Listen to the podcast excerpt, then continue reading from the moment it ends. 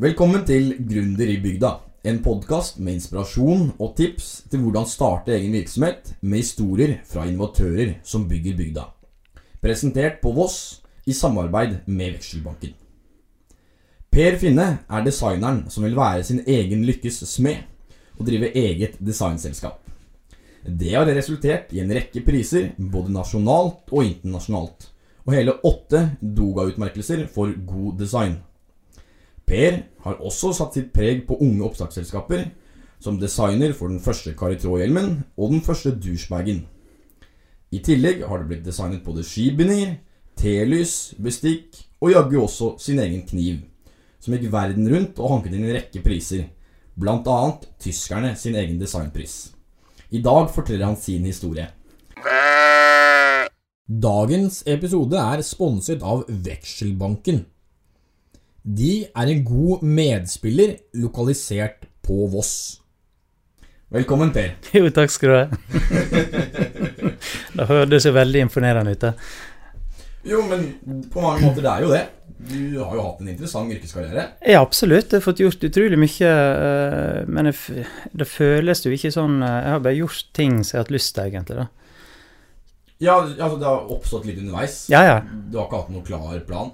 Nei. Nei. Mye tilfeldigheter. Men det litt med å, å, eh, eh, Ikke følge strømmen, er feil å si, men, eh, men dette her å, å hoppe på ting. Mm. Jeg er litt sånn ja-menneske Ja. i forhold til når det dukker opp muligheter og ting Ja. som skjer. For du har siden 2002 drevet eget designselskap. Ja, stemmer. Kan du fortelle hvilken reise du har vært gjennom? Sånn fra barndommen, eller fra Nei, altså, jeg, eh, jeg har jo alltid likt å lage ting, og likt å tegne, og litt, likt å løse problemer, helt fra jeg var liten, da. Eh, og jeg hadde vel ideer om å utdanne meg som arkitekt eller ingeniør eller grafisk designer, det var vel det siste, da. Men så var det en, eh, en jeg ble kjent med som sa at du må jo bli industridesigner. Og jeg ante jo ikke hva det var. Men eh, men jeg hadde det i bakhodet når jeg skulle søke, søke opptak på høgskolen. da. Ja. Så jeg søkte på industridesign. Da kom jeg inn, og da tok det inn mellom åtte og tolv eh, studenter annethvert år på den tida. Kan du forklare hva, hva er en industridesigner? Ja, det, det, det visste jo ikke jeg. jeg, men det så greit, for jeg ville jo søke, søke grafisk design, eh, men jeg hadde ikke tid til rett og slett. Jeg var idrettstroppen i Garden på den tid, eh, og når jeg skulle søke grafisk design, så måtte jeg løse ti eh, oppgaver Ja, som ble tildelt ja, Ja, altså ved, ved søke før opptaksprøven, så måtte jeg løse ti oppgaver og sende inn. Mens på industridesign så kunne du plukke ut tidligere arbeid. Så da søkte jeg industridesign, og så ble jeg valgt ut til opptaksprøve. Og da, også da hadde vi helvetesveka i, i uh, militæret, så jeg ble henta inn fra helvetesveka og inn til opptaksprøven, for det var gyldig grunn til uh, Mm, for fritak siste dagene. da. Så var det tre dagers opptaksprøve på Og jeg var jo superhappy som kommet inn på opptaksprøve. Hadde ikke noen ambisjon om, å, om å, at jeg skulle komme inn på studiet, da. Mm. Så tanken min var jo hjem igjen til Voss og ta ett år ekstra på Vatle på eh, grunnkurstegning, eller utstillingsformgivning, var det da. Ja, ok. Eh, men så kom jeg inn. Så det var jo, eh, det jo eh, veldig artig, da. Og så begynte jeg på studiet, og så eh, Jeg brukte hele høsten på å finne ut hva dette egentlig var for noe. og jeg angra meg. Prøvde å skifte til grafisk design og eh, Men det var den, det første semesteret, så etter hvert så forsto jeg hva dette gikk ut på. Eh, og da fant jeg ut at det passer jo midt i blinken for meg. Da kunne jeg kombinere alle mine Altså, jeg drømmer om Altså, det er en kombinasjon. Du er ingeniør, du er arkitekt, du er grafisk designer, du er formgiver. Altså, det er et eh, fag som omfatter så veldig mye, da. Så tilbake til spørsmålet ditt. Altså, hva er industridesign? eh, altså, det er et produktdesign. Eh, jeg bruker å si at eh, en kunstner skaper ut fra seg sjøl, mens en eh, designer skaper for andre. Ja, okay. sånn, Så, med, så jeg jobber jo stort sett på oppdrag for bedrifter, da. Mm.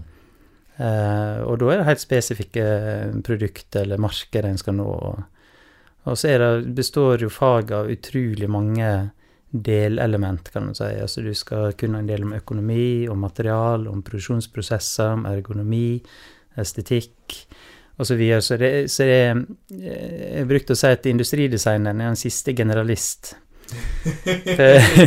For, det hele Altså, det, det, er jo så mange delfag der vi skal kunne tilstrekkelig mye til at vi kan, eh, kan eh, gå inn i dialog og diskutere med de som er eksperter. Mm. Og så skal vi binde alt sammen. Mm. Uh, så det vi er eksperter på, er jo estetikk.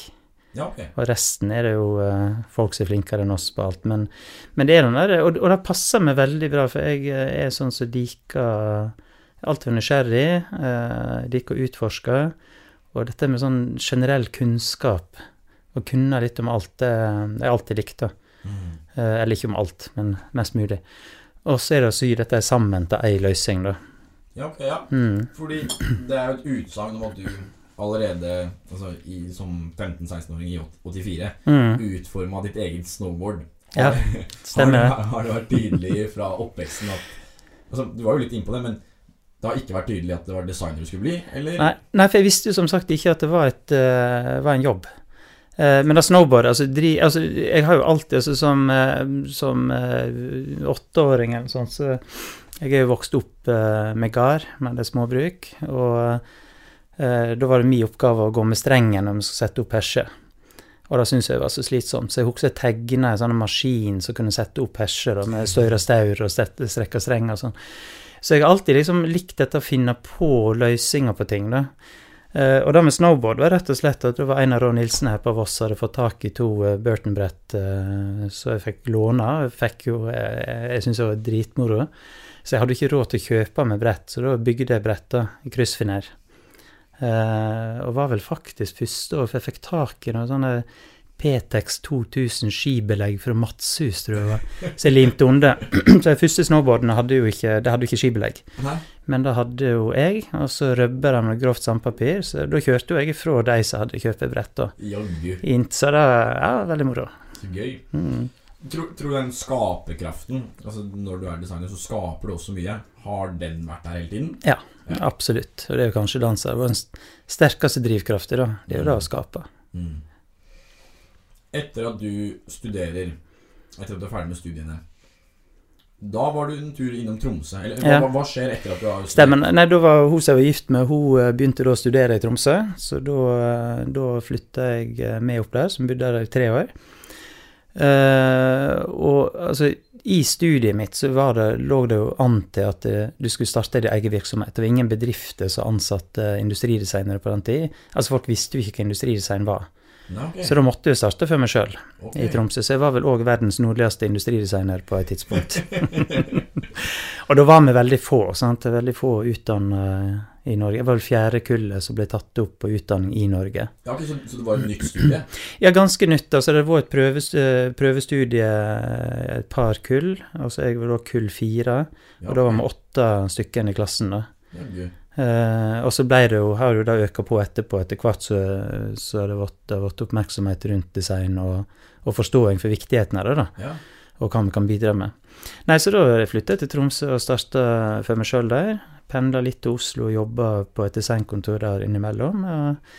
Men jobba der oppe med øh, Lagde sandstrøer for vogntog, var vel det første prosjektet mitt. Og mesan for sjarker. og Så holdt på med, med litt forskjellig der, da.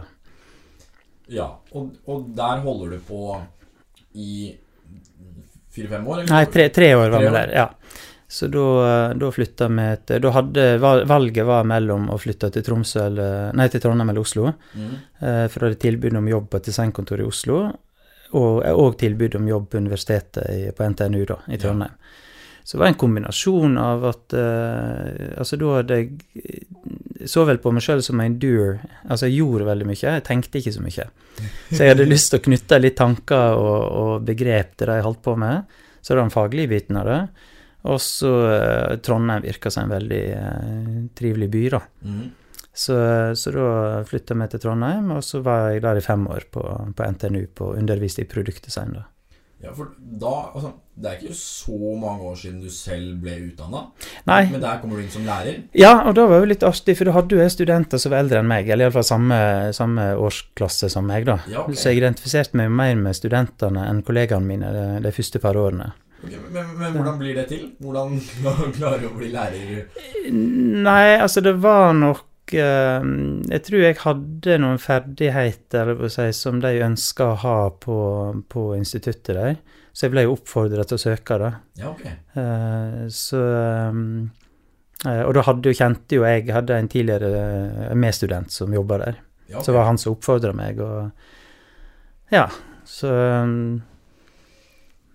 ja, fordi da er du der i fem år. Fem år, ja. Stemmer. Hva skjer etter det? Jo, altså da dukker muligheten opp eh, for å flytte til Voss. Uh, Kona mi hun eh, fikk tilbud om jobb her. Og vi hadde ikke snakka så veldig mye om det, men hun hadde liksom hatt litt i bakhodet på et eller annet tidspunkt. Men det var ikke sånn at det, det var ikke et mål å flytte tilbake igjen til Voss.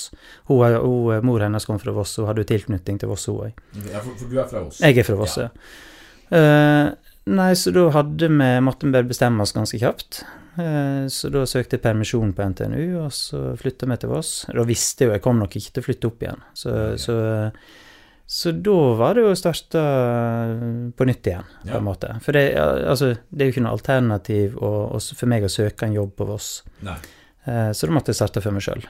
Men jeg var ikke noe redd for det, for jeg har allerede gjort det i, i Tromsø. Mm. Og, og som sagt, altså, i studiet så lå det liksom Det var lagt opp til at det var, det var sånn industridesigner i Norge jobba. Det var at de Mhm. drev for seg sjøl eller gikk sammen i, på designkontor. da. Mm. Så det var ikke noe sånn Jeg husker av noen som sa til meg 'Herregud, du er tøff som tør å så si opp en trygg jobb, statlig jobb med gode pensjonsmuligheter og sånn'. Og da forsto ikke jeg liksom eh, Jeg for- forsto ikke det problemet. Altså eh, eh, Så det var ikke noe sånn stort steg jobbmessig, tenker jeg. Jo, men altså, hvis, hvis man ser det litt utenfra, Mm, så er du Altså, du starter på egen hånd. mm. Hadde du noen kunder tilgjengelig da, eller måtte du ut og hanke inn Altså, for du lever jo på oppdragsbasis. Ja, altså i Tromsø så kan du si at da, da kom jeg i kontakt med en, sivilingeniør som drev med forretningsutvikling. Ja, ok. eh, som hadde jobba med industridesignere før, så han drog meg inn i noe prosjekt. Pluss at jeg jobba for altså Peter Opsvik, som uh, kjent norsk møbeldesigner, da. Eh, jobba jo litt for han under studiet, og, og eh, de årene i Tromsø. Ja, okay. Eh, så det var jo det som holdt det, holdt det gående. Eh, så når jeg, kom, når jeg slutta på NTNU og kom til Voss, så hadde jo jeg litt kontakter, litt nettverk, men jeg hadde jo ikke mye jobb. Det hadde jo ikke jeg. Eh, og jeg Ja, hvis det er noe jeg ikke liker, så er det å selge meg sjøl. Ja, Ja. ja. for det, det, er, det er jo ofte veldig sånn at eh, Mm. altså, når du er gründer, så er det mange flere roller du må bekle. Det er ofte folk som ikke liker den selgerrollen. Ja, ja. Men altså, på et vis er du veldig avhengig av den. Altså, du må jo selge deg selv. Ja, det er jo nettopp altså, jeg, Nei, og det forsto jeg jo når jeg, når jeg kom til Voss. Altså, men jeg gjorde litt sånn småprosjekter, litt utenfor bygda, og det skjedde ikke så mye i bygda, egentlig. Jeg gjorde vel scenografi for Vossajazz, det var noe av det første jeg gjorde her lokalt. da. okay, ja. Og gjorde visuell profil for World Cup Freestyle, og det var sånn jeg sa det vil, det skal jeg gjøre. Mm. Så når jeg ikke hadde jobb, så lagde jeg meg sjøl prosjekt. Okay. Eh, og det var faktisk noe av det første jeg gjorde, det var at jeg eh, Altså, når jeg underviste i Trondheim, så hadde jeg Jeg underviste annet i økodesign, som det heter på den altså bærekraftig eh, design, da.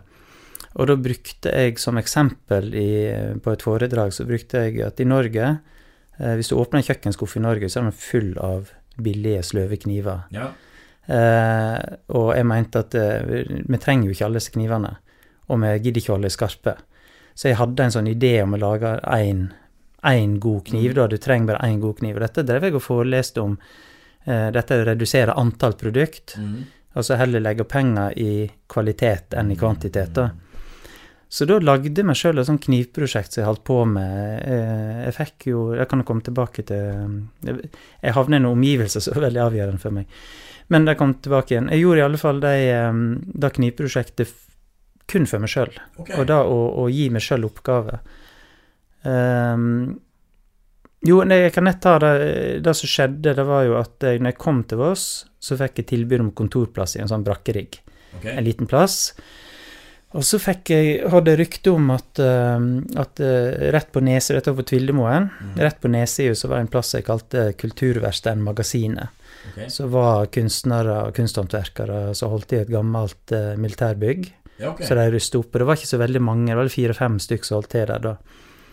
Uh, så jeg tenkte da skal jeg ned og så besøke dem. Og så når jeg gikk inn døra der, så tenkte jeg her skal jeg være. Okay. Her skal jeg inn.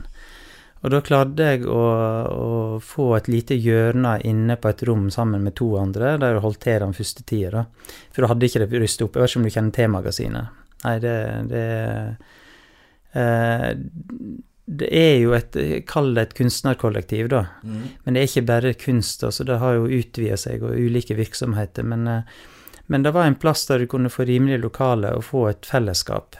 Et miljø. Et miljø, ja. Mm. Så jeg eh, satt i en krok der til å begynne med, og så fikk jeg etter hvert overta et rom, da. Ja, ok. um, og da er kanskje det viktigste som skjedde for meg Nei, punkt nummer én. Mm. Det første viktige som skjedde for meg, det var å komme inn på magasinet. Mm. I et miljø eh, med folk som, selv om de ikke holdt på med de samme tingene som meg, så var det i en tilsvarende situasjon. Eh, veldig sosialt og veldig høy arbeidsmoral. Mm. Folk tror at kunstnere er sånn som sitter og nipper til rødvinsglasset, men det er jo ikke sånn. Det er ekstremt høy arbeidsmoral og, og veldig motiverende og engasjerende. Veldig fine folk. Så det var veldig viktig for meg å få de omgivelsene. Og da, eh, og da begynte jeg med dette knivprosjektet, bare for å ta det videre. da, Som bare var for å holde meg sjøl i drift, på en måte, og, og bli engasjert i noe. Men så begynte jeg å tenke på at jeg må ut og selge meg sjøl. Eh, og da tenkte jeg altså, fins det en bedrift i regionen som jeg har lyst til å jobbe for? Og, og da er det drømmen for Om ikke alle designere, så i alle fall eh, i kullet mitt, så var liksom dette å få tegne et bestikk. Ja. Da var det liksom eh, det kuleste du kan gjøre. Og, og veldig krevende, for at du, du skal tegne redskaper som har vidt forskjellige funksjoner, men som skal ha en familielikhet. Så det har sett på som sånn estetisk utfordrende eh, området. Da. Og da hadde du to bestikkprodusenter i, eh, i regionen. altså Du hadde Norsk Stålpress i Bergen, og så hadde du Hardangerbestikk i, eh, i Kinsarvik. Ja. Og da eh, tenkte jeg Hardangerbestikk har jeg lyst til å prøve meg på. Så jeg ringte til, til Rune, da, som eh, da hadde overtatt som sjef etter faren, Mhm. og presenterte meg at hei, jeg heter Per Finne, jeg er industridesigner og bor på Voss. og og så sier han 'industridesign', hva er det for noe? så, så jeg ble litt så satt ut. Ja, men, ja, men hvem Ja, nei, jeg driver og utvikler produkt og sånn. Ja, hvem er det som tegner bestikken deres? Nei, det er han pappa. Og var liksom, da stoppa samtalen der. Det ble ikke noe mer. Det var ikke noe interesse, tenkte jeg da. Eh, men så gikk det noen uker, så ringer han opp igjen og lurer på om jeg vil komme ned. Ja. Og da reiser jeg ned til, til Kinsarvik og møter med, med han og faren Odd, altså grunnla Hardangermusikk. Og veldig hyggelig møte, men da presenterte jeg knivprosjektet mitt. Sant? Ja. Så viste jeg hvordan jeg jobba, hvordan jeg tenkte, og så hadde jeg laga fysiske modeller. Og da likte jo de så godt måten jeg jobba på. Så de knivene var ikke relevante for dem. Det var litt for spess i forhold til hva de holdt på med. Men måten jeg jobba på Uh, jobba veldig visuelt, altså mye med tegning, og så dette jobbet med fysiske modeller for å prøve ut ting og ta på ting og sånn. Så, så når jeg eh, eh, når rest, Ja, det er et veldig godt eksempel på at Altså, historien her er jo veldig kul, syns jeg. mm, Du, altså, du, først så har du ikke jobb, og så Nei. skaper du jobb til deg selv, og så kan Mm. du senere bruke det som en sånn slags portefolio på noe vis. mm, mm, ja, absolutt. og vise den prosessen der. Mm, Det er kanskje også sånn tips til andre unge som har lyst til å starte om. Det er med å Har du ikke jobb, skap deg jobb selv. Ja. Og senere kunne bruke det som et argument. Ja. Veldig gøy. Fortsett. Eh, ja. Nei, så jeg eh, Når jeg reiste fra møtet, så var ikke jeg helt sikker på liksom Ja, vil de bruke meg, eller vil de ikke? Så, så, men så eh, ringte han Odd, da, og så takka for møtet, og, og så spurte jeg da Ja, har du lyst til å bruke meg? Ja, men jeg sa jo det! Du skal tegne barnebestikk, og du skal tegne caffè latte, og skal sånn og sånn. Eh, så, da, eh, eh, så da var jeg i gang. Ja. Så plutselig, så det er jo eneste innsalget jeg har gjort, direkte innsalget jeg har gjort Ja, ok. som betydde veldig mye for meg. For at Hardangerbestikk har jo vært en sånn sammenhengende kunde siden 2002. da. Ja. Sånn, altså variert mengden, men det har vært liksom stabilt. Var, så jeg jobber jo fortsatt for Hardangerbestikk. Dagens episode er sponset av Vekselbanken. Eika-alliansen har samlet inn tilbakemelding fra 35 000 kunder. Og kundene kårer Vekselbanken til årets beste bank. Det er heller ikke første gang. De tre siste årene har Vekselbanken blitt kåret til årets beste bank. Ønsker du en solid lokalbank på Voss? Se hva de har å tilby på vekselbanken.no. 20 år senere. Ja. Så, så da var jo Da har liksom én kunde i bunnen. Mm. Én ting er jo inntekter, men jeg tenker også, for da har du et fokus. sant? Mm. Uh, jeg er litt sånn hvis jeg kan ha ett større prosjekt som jeg har hovedfokus på, så kan jeg være veldig effektiv i forhold til mindre prosjekt, Mm. sideprosjekt. Um, nei, så det, så det var avgjørende for meg, uh, den, den kontakten Ja, så, så, den ene kunden der Den fikk du ganske tidlig òg? Ja, det var jo 2002, og så var det første året mitt uh, på Voss. Ja, så, så de har på mange måter båret deg gjennom alle disse åra som Ja, selvstendig næringsdrivende? Ja, absolutt. Altså sånn uh, Det viktigste på en måte det var jo eh, Når jeg fikk gjort prosjekt for deg, altså da, da fikk jeg fokus, jeg fikk uh, trening, jeg fikk eh, etter hvert òg anerkjennelse, sant, i Mm. form av priser og sånn. Og, og da, begynner jo folk å spørre deg er du interessert i et prosjekt med oss.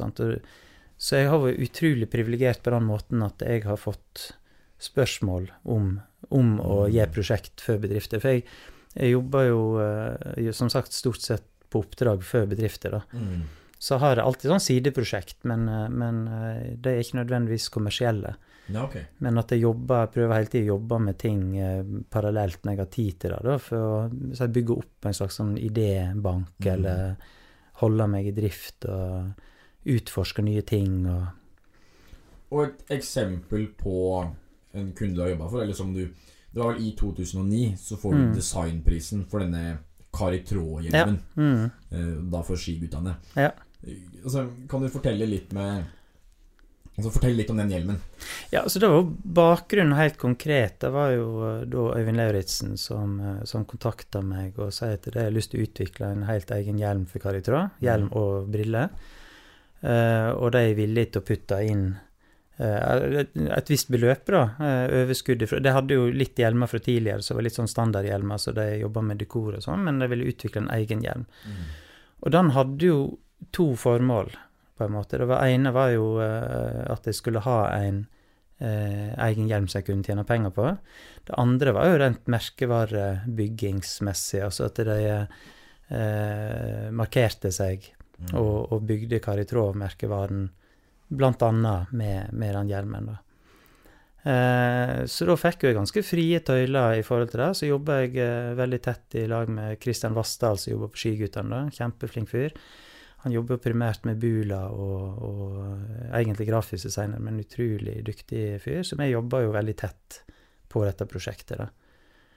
Um, Altså, dere, dere ønsker å designe en altså, hjelm retta mot kvinner. ja, altså, det er denne hestehalen som Ja, er ja, stemmer. For, for bakgrunnen var jo at på den tid, altså fram til da, så var det veldig få som brukte hjelm. Mm. Altså de som brukte hjelm, da var alpinistene, og så var det unger, og så etter hvert så begynte de kuleste jibberne å bruke hjelm, da. Ja, ok. Og så var det litt sånn at uh, mange jenter som som valgte å ikke bruke hjelm fordi at de syntes ikke de var flinke nok. Så jeg kunne ikke sammenligne seg med jibberne, men jeg var for flinke til å sammenligne seg med barna. sant? Okay. Uh, så det var jo um, uh, ja, et prosjekt. Altså, ok, hvordan kan vi eh, få flere jenter til å bruke hjelm? Altså Mhm. motivere flere. Eh, og så var kne- veldig tett knytta til Kari, sant, som, eh, som eh, et forbilde for mange av disse jentene. Um, så vi jobba jo med utgangspunkt i Kari Traa-filosofien. sant? Altså, det skal være feminint, men det skal òg være tøft. Mm. Altså, det er jo ikke sånn altså, Jenter slår seg like mye på ski, de som gutter. Jenter er like tøffe, de som gutter, så det var ikke Og da var jo Kari veldig godt forbilde, da.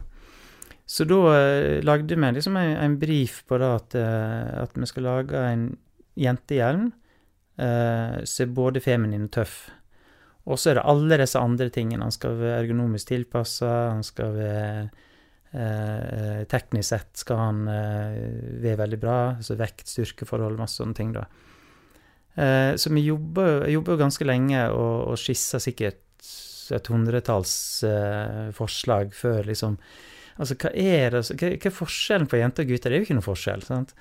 Eh, i, altså når du er på ski, eh, bortsett fra estetikken, kanskje, men, men da kom jo vi fram til dette her at jo, eneste forskjellen er at veldig mange jenter har hestehale. Og når de skal på seg en hjelm, så må jeg dra ned strikken for at ikke hestehalen skal komme i veien og sånn.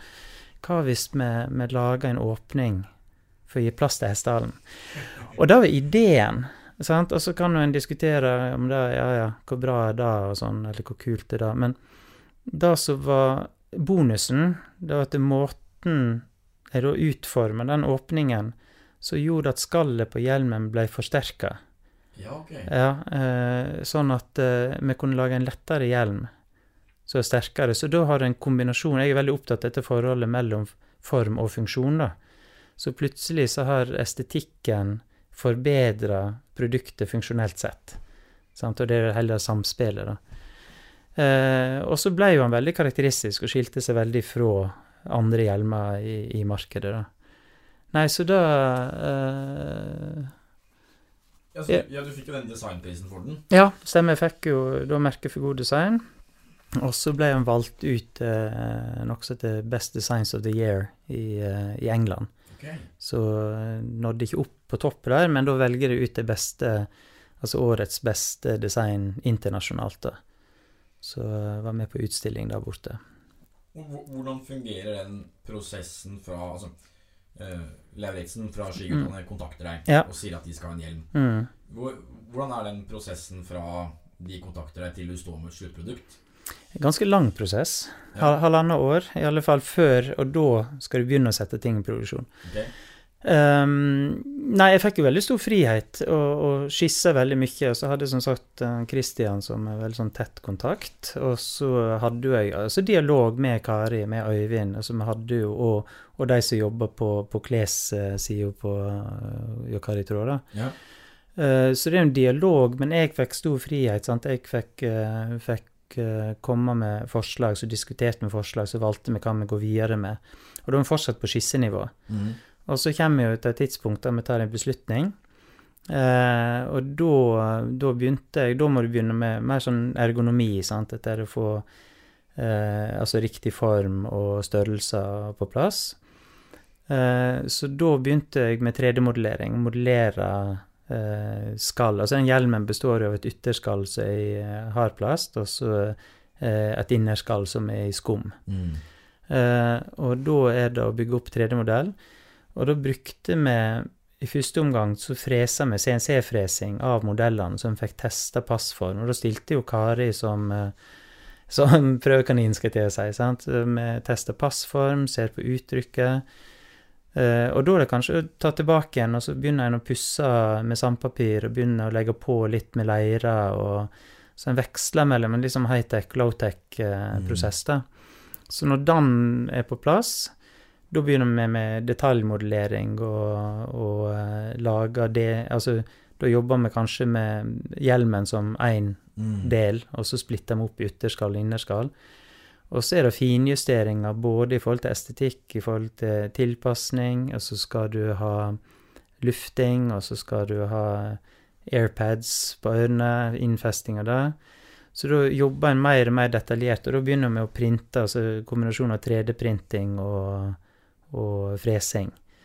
Så vi jobber med en mm. skalamodell, kan du si, da, for å få på plass den, eh, den tilpasningen. Mm. Også når en endelig da har, uh, har ferdig modell på skall, eh, da blir jo det satt vekk til å lage produksjonsverktøy. Mm. Og da begynner vi med grafikken og tekstilene. sant? Det skal mm. være et fôr innvendig, det skal være, være Airpadsen skal ha et mønster eller utforming du skal legge Det vi òg la opp til, var jo at det skulle enkelt um, kunne bygges uh, Eller det skulle kunne, kunne, komme nye mønster, da. Han skulle ja. være karakteristisk uttrykket, samtidig som han skulle være så enkel at du kunne skifte farge og mønster mm. lett på han, da. Så da er det å utforme grafikk og, og disse detaljene og valg av tekstiler og sånn. Ja. ja, godt oppsummert. Ja. En lignende prosess du har vært med på Eller altså Igjen, her får du også designpris i 2013. Da får du Mm. designpris for denne første douchebagen. Mm. Det er også, du har også vært med på både én og to sykkelbager for selskapet. Mm. Kan du fortelle litt eh, Altså, De er også et veldig kjent ungt oppstartsselskap. Mm. Kan, kan du fortelle litt den prosessen der? Hvordan du kom inn der? Ja, den, den er jo artig. Altså, Truls Brattås er hovedmannen bak eh, både gründeren og eh, jeg vil si hovedmannen i bedriften fortsatt. Han gikk på Dette er vel tok master i Om det heter entreprenørskap, det er jeg ikke helt sikker på, men master på NTNU, da. Mm. Eh, og han var jo eh, gibber. Eh, hadde lyst til å gjøre et prosjekt innenfor eh, Så knytta til interessen, det kan vi komme tilbake til. Dette Mm. kobla fag med en lidenskap. Da. Mm. Eh, så han hadde, møtte jo da um, Han ville lage skibag. Lage en sånn perfekte skibagen for gibbere var utgangspunktet. da. Og så møtte han eh, Jon Olsson eh, når han var og surfa på Stad, og begynte å snakke med han. Og han er jo ei gammel, eh, stor, stor skistjerne. Han er vel ikke så gammel, men iallfall Han var jo, var jo stor. Og, og ekstremt eh, Masse energi, og, og ble veldig gira på dette her. Og så tok Truls kontakt med meg, for jeg ville med en designer på, på prosjektet, da. Ehm, så det var sånn det starta. For jeg har jo bakgrunn. altså jeg har jo Ski har vært min store lidenskap eh, alltid. og Da hadde jeg vært med og Ja, hjelmen var én ting. Uh, linken, uh, telemarksbinding som er utvikla. Så han hadde jo fått med seg dette her, eh, hva jeg hadde gjort før, da. Og han ville jo ha med seg knytta til seg folk som hadde en lidenskap. Så, Altså vi delte lidenskapen. sånn. Eh, og det var jo flere som kom inn etter hvert. Og jeg sier at akkurat douchebagen er et veldig godt eksempel på et samarbeidsprosjekt. Mm. Sant? Altså der, du kan ikke si at 'jeg vil ikke til ære for gjort den'. Uh, Truls er Truls er liksom kjernen i det prosjektet, og så knytter han til seg folk. Eh, og så får vi et samarbeid. Så det var jo Til å begynne med var det jo eh, han og Jon Olsson og jeg som jobba med det. Så var det et par andre som kom inn etter hvert. Så var det Og det er en lang prosess. sant? En begynner å fabulere og dra ting langt. Jeg bruker å si at tidlig prosjekt så eh, skal du opp og flyge. Sant? Da er det om å gjøre å pushe litt grensene for hva som er mulig å få til, og, og dra ting litt langt. Men så skal du lande det. Mm. Sant? Da må du ta en beslutning underveis til du har landa prosjektet. Og da er et samarbeidsprosjekt i aller fleste tilfeller. Mm. Um, nei, så vi landa jo, landa jo douchebagen, da. Det, eh, altså, jeg tenker at eh, douchebags er jo et sånn der eh, kroneksempel på riktig grunding. jeg, synes, jeg, jeg er veld, veldig imponert eh, over hva de har fått til.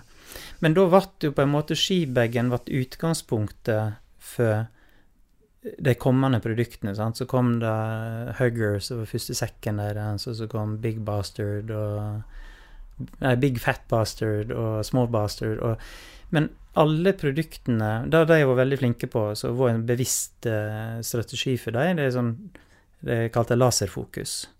Det er veldig sånn Du kan friste til å gjøre utrolig mye forskjellige ting, men de har hatt laserfokus. Og si at hele kolleksjonen deres bygde på formkonseptet til skibagen, på en Mm. måte. Um, så da første den prisen, det var jo Da fikk du både for skibagen og for de to første sekkene, da, så på en måte ble fundamentet for douchebags. da. Mm. Og den fikk jo en rekke priser internasjonalt, ISPO Awards og sånn. Eh, og så har de vært veldig flinke til å bygge gradvis eh, ut eh, der det er blitt nå, da. Mm. Det har jo tatt kraftig av de siste årene. Ja, for, fordi du var med på den første, altså den det douchebag, liksom? Altså den, Den ski, skia. skibag, ja, Det var jo det første. Og så har jeg vært inne litt eh, eh, Litt så sykkelbager, som du sa, og noen trillebager og sånn. Og, men jeg har liksom fulgt dem hele veien, da, og det eh, Altså, en ting som imponerer meg, det er sånn med Truls, og det fins jo flere eksempler på det, men, men altså både en som er utrolig dyktig, og målretta og sympatisk. Mm. Det, det, du, du får så lyst til å jobbe med sånne folk, rett og slett. Veldig godt oppsummert. Mm. Så, altså, du, du har hatt en reise med Duschberg, og også hatt en lignende reise med skiguttene. Mm. Bak Karitro og co. der. Hva, hva kjennetegner disse oppstartsselskapene? Hva er det som gjør at de lykkes? Du har sett det fra innsiden. Ja, altså, jeg tenker lidenskap. Ja. Altså, drivkrafter, det er jo ikke altså, det er jo ikke Pengene er ikke drivkrafter. Drivkrafter er å ha det moro og jobbe med ting du har tro på, og så engasjere deg. og eh, Så da hvor fokuset ligger ikke på nå skal jeg tjene jævlig mye penger, men da er du Gjør du jobben godt nok, Mm. så vil pengene komme som et eh, gode, kan du si. da. Mm. Eh, Så akkurat den der eh, Da tenker jeg eh, leik og lidenskap kombinert med hardt arbeid og seriøsitet. Mm. Og jeg tenker sånn skigutene òg veldig godt eksempel på, på eh, å ha Altså miljøet og holdningene og, og da å være eh, Det er feil å si ikke for seriøst, for det er jo Serious play er jo et sånt eh, Mm. begrep som uh, iallfall Det er jo å ha den lekenheten ved siden Ja. den driften. Ja, eller, in, eller integrert i drifter, på en Ja, måte. Okay, sant? ja. Altså naturlig del av det. Eh, så jeg tenker den, den kobling eh, Kobling mellom lidenskap og, og business Mm. er veldig bra, da. Det er også et prosjekt som kanskje skiller seg litt fra det her, hvor det er kanskje veldig fokus på den business-delen. Du har også kommentert Mm. det litt. Hvor du Altså, du lanserer et gigantisk flytende egg Oh, ja, ja. for eh, ja, stemmer det. kan, kan du beskrive litt eh, Altså, det er for oppdrettsnæringen. Kan du beskrive litt hva hvordan man kommer borti det? Ja, nei, Da ble jeg faktisk invitert inn i, i prosjektet. altså Det var en som heter Cato Lyngøy, som, eh, som hadde en idé. altså Store utfordringer innenfor oppdrettsnæringen, det er jo det er lus. Mm. Og så er det rømming, og så er det forurensning. Ja. Eh, så han har jo jobba i næring i mange, mange år. Eh, så han hadde da Da etablerte han et selskap som skulle jobbe med lukka, flytende oppdrettsanlegg. Så han hadde jo ideen med egget. Mm. Sant? Han, var, var der. Og så ble jo jeg eh, spurt om jeg ville være med i prosjektet. Jeg visste jo ikke hva det dreier seg om da, så jeg ble spurt om jeg ville være med på et oppdrettsprosjekt. Mm. Så jeg er litt sånn skeptisk. Eh, så har jeg lyst til å, å bidra der. Mm. Men jeg, jeg gikk da på, på et møte, og så la han fram ideen sin, da. Og da fikk kicka jeg jo skikkelig på det. Sant? For dette, dette er jo et eh, prosjekt som kan løse alle disse problemene. Altså Oppdrettsnæringen er viktig, og den er kommet for å bli. og- Men, eh, men det har ikke noen gode løsninger på, på disse problemene. Og dette å flytte, flytte oppdrettsnæringen opp på land Altså skal du ha samme produksjon som nå, og målet er vel å tredoble den i løpet av de neste 10-15 årene. Eh, da vil du jo bygge ut hele strandsona, Mm. så fram til du legger det ved, ved sjøen. da. Så da tiltalte vi veldig dette her med, med flytende lukka anlegg. Eh, så, sånn kom vi inn i, i det prosjektet. Og det er jo et, igjen teamwork. sant? Mm. Altså 10-12 personer som jobber på det med ulik kompetanse. Så min oppgave var jo først og fremst liksom overordna formkonsept, og, og igjen dette her også knytte sammen alle disse elementene eh, som skal til i et produkt. da, Altså Mm. med, med altså material og produksjonsprosesser og eh, Altså der jeg må kunne snakke med disse eh, de som har greie på ting, da. Mm. Eh, og syre sammen til en helhet. Men òg dette med arbeidsplassutforming. Sant? Mer sånn praktisk. Hvordan organiserer du ting eh, i forhold til fôring, i forhold til slakting osv. Men som sagt, igjen, eh, og, det er jo veldig kjekt å jobbe i litt sånn større sammenhenger, Mm. der du alle spiller på lag og ut, utfyller hverandre. Da. I to, det er, Dette er i 2016, sånn cirka. Mm. Pluss minus. På samme tid så får du merke for god design for kniven din. Mm, ja. Og, og den, altså Vi snakka litt om at vi hadde begynt på Ja. ideen tidlig, eh, Mm. og nå veldig mye senere. Så altså du, du skal vel på noe designmessig i Tokyo, jeg forstått det Ja. som. Kan ikke du dra oss gjennom Ja. hvordan man får sin egen kniv?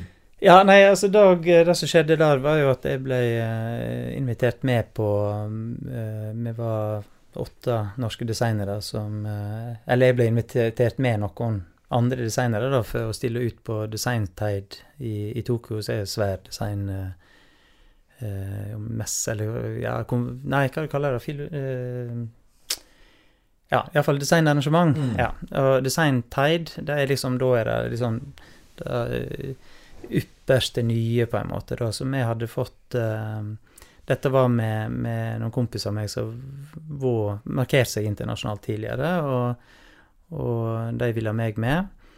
Og da ga vi meg sjøl ei oppgave der vi skulle se på, på til utgangspunkt i japanske eh, tradisjoner knytta til mat, eh, men fra et norsk perspektiv. Mm. Eh, så da var det en sånn skisseprosess, sant? men da dukka den kniven opp igjen, da. Som jeg hadde tenkt på i alle år, sant? som ikke hadde blitt noe av. Og tenkte ok, nå lager jeg en variant av den til, til utstilling. Jeg lagde jo en del andre ting, og noe treredskap og noe støpejernsgryte og eh, så, Men i alle fall, da um, Jeg fikk jo laga en prototyp av kniven, eh, og hadde med ned der utstilt. Og så fikk vi veldig mye oppmerksomhet rundt det. og Fikk veldig, eh, veldig positiv eh, tilbakemelding på kniven. Og så tenkte jeg men kanskje jeg skal sette den i produksjon sjøl, for jeg har jo aldri gjort det. Og det er jo en lang prosess. Ja, men, men for meg som er utenforstående altså, hva, En kniv er en kniv? Eller hva, hva, Nei, det er jo det. Hva kjenner- hva kjennetegner en god kniv? Altså Nei, altså, det, nå var jo jeg så altså, Siden jeg skulle lage til den utstillingen, så kunne jeg lage den kniven akkurat sånn som jeg ville ha den. Ja. Altså, jeg er veldig glad i å lage mat. Eh, Jeg er ikke veldig avansert nødvendigvis, men jeg Altså, bare det å stå og hakke løk er jo sånn en meditativ oppleving eh, for meg, da. Mm. Eh, Så jeg ville lage en kniv som var akkurat sånn som jeg ville ha den. Men så var det en sånn grunntanke der om at jeg ville lage en kniv som var utforma sånn at du kunne variere grepet på den. Og Ja, okay. sånn at du i stedet for å ha en serie med forskjellige kniver, så lager jeg én kniv som kunne brukes til, til alle mulige operasjoner, da. Iallfall flest mulig. Um, og i Japan så har det et begrep som heter santoku. Altså I Japan har det veldig mange spesialkniver, Altså kanskje 100 sånne spesial, tradisjonelt sett 100 forskjellige spesialkniver, Mm. om du har en ålekniv eller du har en uh, grønnsakskniv eller altså, Eller jo, altså du har jo spesifikke kniver Mm. for å rense ål med, er en helt spesifikk kniv. sant? Men så har det santoku, som betyr tre i én, altså kjøtt, fisk, grønnsaker, som er den japanske tolkninga av den europeiske kokkekniven. Ok. Ja, så de har alle disse spesialknivene, så har de santokuen. Og det var da som var den ideen. Ok, nå skal jeg lage en santoku, men fra et norsk perspektiv, da. Ja. Eller nordisk. Ja, du, kalte den noe lignende, gjorde du ikke det? Ja, men jeg kalte det var jo en arbeidstittel som ble hengende ved. altså Umami, det er jo den femte smaken. Smaken av godt. Mhm. Så den heter Umami, var liksom samlenavnet på alle disse tingene jeg hadde med ned. Og så er det Santoku, da, som er en allbrukskniv, kan du si. Så det, var- så det var liksom den fleksibiliteten rent funksjonelt, men så er jeg òg opptatt av at eh, hvis du har én kniv, én god kniv, så tar du bedre vare på den. Ja. Eh, og han skal være eh, funksjonell, og så skal han være fin. Og så ønsker jeg at da folk skulle føle et ansvar for ham, på en måte. da, mm. sant? Eh, og, og vise han omsorg. ja, og så litt tilbake til det du også sa innledningsvis, det med kvalitet Ja. foran kvantitet. Ja, og, og, da er jeg eh, Og det mener jeg kanskje er det viktigste oppgaven for designere framover. Det å, å redusere antall produkt. Ja, okay. Eller ikke bare designere, men, men bedrifter. Ok, hvordan kan vi, kan vi redusere antallet produkt, og heller få Men da må jo folk være villige til å betale mer for ett godt produkt. Men altså, folk bruker jo tusenvis av kroner på å, kjøpe billige knivsett. Syns du det er en dyr kniv? Jeg syns ikke den er dyr. Nei, og det fins mye dyrere kniver. Men enkelte vil nok synes den er dyr. Men det, det er liksom, folk kommer jo til meg og sier at 'Å, jeg har så lyst på den kniven din'. 'Ja, men har du kniver fra før?' 'Nei, jeg har så masse kniver fra før'. 'Ja, men er du fornøyd med de du har?' 'Ja, de er jo veldig gode, de'. 'Ja, men da skal ikke du kjøpe min kniv'. Ok. For jeg vil ikke at han skal komme i tillegg til noe annet. sant? Det skal være hovedkniven. Ja, jeg tenker, ja, jeg tenker sånn hvis du, du skal kjøpe deg kniv, da, så har du valget mellom å reise på Ikea og få en koffert med tolv kniver Mm. eh, til 2000 kroner, eller du kan kjøpe min til 2000 kroner. Mm. Eh, men dette er jo min personlige holdning. Men, men jeg tenker akkurat det der med, med, så opptatt av å, å ha få flest mulig ting for pengene våre. Mm. Eh, da syns ikke jeg er så bra, da. Nei, det er kanskje Så- også litt sånn moderne problem òg, etter hvert som vi har fått den kjøpekraften vi har Ja, ja, klart det. Fordi altså, den kniven får gode skussmål, og du, Mm. og du får priser på priser. Eh, men altså, dette er jo litt sånn som vi har snakket om. Altså, det er en idé og en skisse. Mm. Men du får produsert den. Ja, og jeg må jo til utlandet for å få produsert den, for det er ikke noen i Norge Det er jo veldig dumt, sant. Vi flytter ut så mye produksjon. Det er ikke noen som har kompetansen til å produsere Mm. den type kniver. Andre kniver Kjempegode på tollekniver i Norge, men, men ikke den type kniver. Så jeg må jo til utlandet, da, til Asia. Og da er det jo en prosess fram og tilbake, sant, eh, med, med prøver, og du må lage verktøy for å støype ting, og, og så skal korrekt sliping av den. Og, så det er jo en prosess. Jeg har lagt ned veldig mange timer eh, i den, da. Um, og, men til slutt, liksom, så eh, Det var en lang prosess, ja, og til slutt så får en Sitter med produktet sånn som en vil at det skal være. Så må en gjøre Det er jo noe kompromiss. Altså, design handler om å finne et best mulig kompromiss Mm. sant, i forhold til, til materiale og prosesser, i forhold til økonomien osv. Um, men til slutt så satt jo jeg med en uh, palle med, med kniver, da. Ja, og, Og det, det skiller seg litt, da. For, fordi Mm. tidligere så har det vært konsulentvirksomhet. Ja, og nå ja. er det eget produkt. Ja. Hva gjør du da? Jo, det, det er jo da er litt Og da er jeg på en måte ferdig. Ja. For da kommer den salgsbiten. og jeg er jo ikke noe selger. Nei, den har ikke gjort før. Nei. Men da var jeg så freidig at jeg, jeg lagde, lagde en pressemelding. Ja. Altså, jeg tar jo mye bilder sjøl, så jeg tok noen bra bilder, lagde pressemelding. Og så sendte jeg ut, ikke til så mange, men jeg sendte vel ut en fire-fem stykk. Eh, blant annet til mm, en blogg, designblogg som heter Design. Mm. Så jeg, så jeg visste ikke så mye om, men jeg syns det er masse kule ting og sånn, så jeg, eh, jeg sendte til deg, da. Og jeg tok så faktisk første påskedag, så våkna jeg, og så var innboksen min full av bestillinger. For da hadde de publisert uh, på Design. Mm. Så viste jeg i ettertid at det var en av de mest uh, Iallfall mest, mest anerkjente designbloggerne internasjonalt. Ja. Eh, Å jøss, kom du med på Design? Ja, kult. sant? Men det visste jo ikke jeg. Nei. Nei, jeg hadde jo ikke noe opplegg for, for distribusjon eller salg, ikke noe nettbutikk, ingenting. Så jeg husker da, da brukte jeg de neste 14 dagene på å pakke kniver og sende ut faktura for få betalingsbekreftelse fra rundt omkring hele verden, egentlig, da. Så det var jo sånn boost akkurat da. Men så etter hvert så fikk vi en nettbutikk. Mm. Men så har det liksom blitt med den nettbutikken, for at jeg, jeg har liksom ikke eh, sånn, Jeg selger den liksom i min egen butikk, og så på, på nettet. Så er det sånn Russland og går. Eh, jeg gjorde vel noen forsøk på å komme inn på butikker, men så var jeg litt kresen på hvor jeg ville selge den. Det var litt sær, da. Eh, jeg ville ikke selge den hvor som helst. Men, eh, men den rusler og går fortsatt, så nå eh, sendte, ja, Forrige uke sendte jeg en kniv nummer to til en i Canada, som var så fornøyd med først at han ville ha en til til å gi vekk. da. Ja, Så jeg har liksom solgt Cuba, eh, Hongkong og Japan og USA og Canada og stort sett hele Europa. Dagens episode er sponset av Vekselbanken. Vekselbanken er en solid lokalbank på Voss. De har stort fokusområde på å være en menneskeorientert bank, der du som kunde alltid skal møtes av en av deres dyktige ansatte når du kommer innom banken, eller ringer på telefon eller sender e-post. Her er det ingen roboter eller talemaskiner som møter deg. Ønsker du en solid lokalbank på Voss? Se hva de har å tilby på vekselbanken.no. For Det er jo som vi snakket om, det skiller seg fra den konsulentvirksomheten du har gjort tidligere. Mm. Hva, altså, åpenbart så har du hatt suksess med den kniven her. Hva, hvorfor fortsetter du ikke? Hva, er, det noe eget, er det noe eget merke som du kunne starta? Jo, altså, vi er inne på tanken, eh, men, men som sagt, altså, jeg er ikke denne businessbiten, altså salgsbiten, det er ikke det som ligger mitt hjerte nærmest. Ja. Og så er jeg litt rastløs, jeg har lyst til å gjøre andre ting og nye ting. Men jeg har jo, eh, jeg har jo ting eh, liggende, holder på å si, med tanke på kanskje skulle ha, ha gjort mer egne prosjekter. Men, eh, men, men det går litt på bekostning av jeg, liker den allsidigheten. Det er jo det jeg Mm. syns jeg er kjempeprivilegert som har fått jobba med sånn utrolig mye forskjellige typer prosjekt.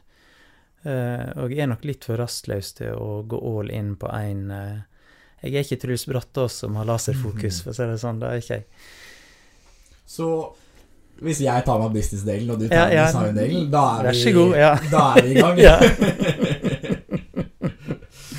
ja, men jeg synes det er veldig interessant å høre den der reisen fra Mm. altså, holdt jeg på å si, ideen helt tilbake til nesten 2002, Mm. og så her nå liksom 15 år senere, så har vi Mm. et produkt.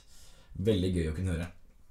Og altså, det er jo som vi snakket om, du har hatt konsulentvirksomhet. Hvor vi snakka litt om at skulle du bli designer, så må, så må du være eget selskap. Mm. Mange av de gründerne jeg har snakka med tidligere, er liksom at det å ansette folk og fortsette videre, er liksom det som er kilden til vekst. Mm. Men du har fortsatt alene. Ja, øh, og jeg gjorde og jeg vurderte seriøst å ansette folk på et tidspunkt. Det var vel da jeg fikk en del priser ganske tett på hverandre. Og da fikk jeg mye henvendelser. Så tenkte jeg at jeg kanskje skulle begynne å ansette folk. Um, og lage et designkontor på Voss, liksom. Mhm. Men så innså jeg at jeg, jeg er først og fremst designer. Jeg har ikke lyst til å være en arbeidsgiver. Mm. Altså dette å, å, å drive ei bedrift, det er ikke det andre som er mye flinkere enn meg. Så hvis, hvis jeg skulle ansatt noen, så måtte jeg ha ansatt noen til å drive meg. Mm. Sant? Og, og da vil arbeidsgiver passe på at det er nok prosjekt til, til å eh, At eh, ting skal gå rundt og sånn. Så da bestemte jeg meg for at nei, nå er jeg bare meg sjøl, men så har jeg et veldig bra nettverk. da. Så jeg samarbeider jo ofte med, med andre folk, men, eh, men jeg tenker da å eh, bestå som ei enmannsbedrift. Mm. Det er riktig for meg, da. Mm. Ja, for da, da krever det den administrative biten. Mm. Du må liksom håndtere ting på Også den personalansvaret òg. Ja, og så og så er det nettopp at jeg, eh, jeg har jo lyst til å jobbe som designer. Sant? Det er jo da å utvikle og utforme og forme. Det er jo det som er min lidenskap. Det er det jeg kan. Mm. Uh, og da lærte jeg meg på et tidspunkt at, uh, at uh, hold deg til det du kan. Ja. Men samtidig skal vi være nysgjerrig. Altså, jeg er jo ikke redd for nye utfordringer, på en måte, det, men, men liksom innenfor det jeg behersker. da. Mm. Eh, så jeg elsker jo nye utfordringer. Altså det å utforske og det å, eh, å skape nye ting. og Det syns jeg er kjempespennende. Men det må, jeg må kunne bruke meg sjøl og mine Mm. ferdigheter Mm. på disse problemstillingene. Mm. Og altså, Vi har vært inne på det, men det som er tydelig, er at ski interesserer deg stort. Ja, absolutt. Det, du kommer fra skibygda Voss, Mm, mm, og ski er liksom en sånn fellesgreie Ja. gjennom hele. Og du har jaggu rukket å designe skibinding også. Ja da. hvordan, kommer, hvordan kommer det inn i bildet? Nei, det var jo, det jo mange år tilbake nå. Det var mens jeg fortsatt var på NTNU at jeg ble kontakta angående den. Og det var noen gründere oppe i Narvik som skulle lage en ny telemarksbinding. Eh, og da eh, hadde de vel kontakt med noen designere, så hadde de fått tips om at de burde kontakte meg, da. Mm. For diplomen min på studiet, det var jo nytt uh, støvelbindingssystem for Telemark. Ja, ok. Eh, og det er jo det som senere Altså det var jeg si, utgangspunktet for det som senere ble NTN-systemet til, Mm. til Rottefella, som, eh, som jeg kjører på nå, da. Men da var det disse gutta oppe i Narvik som eh, kontakta meg og hadde en idé til en, en binding. Og Mm. så i og med at jeg var både lidenskapelig telemarkskjører og eh, designer, og hadde jobba med telemarksutstyr, så vil de ha meg med. da. Så det var jo Igjen, det, de var jo òg drevet av lidenskap, sant. Ja. Eh, jeg hadde en idé og, skikkelig sånn pågangsmot og energi til å få gjennomført det. Så, så da og igjen så er dette da, da bidrar jeg inn med min kompetanse som designer og min lidenskap som uh, telemarkskjører i et miljø da, Vi deler den lidenskapen, men jeg har en fagkompetanse som utfyller den de Ja, har. ja. Ja. Og, men altså, dette var ganske tidlig? Eller? Det- Jeg var vel rundt 99 eller noe sånt, tenker jeg. Eh, nei, for da jobba jeg bodde fortsatt i, i, i Trondheim, og da var det var helt fantastisk, for da, da kunne jeg stå og så skru på prototyp i verkstedet, og så reiste jeg til Vassfjellet, så testa jeg, og så tilbake igjen på verkstedet og skru litt. Så gøy. ja, eh, jeg- fantastisk eh, artig måte å jobbe på, da. Ja, og du Men hvor lenge beholdt du de som kunne? Hvor lenge var du Nei, jeg var jo med Altså, det, det som var feilen der, det var at eh, de hadde for mye produktfokus.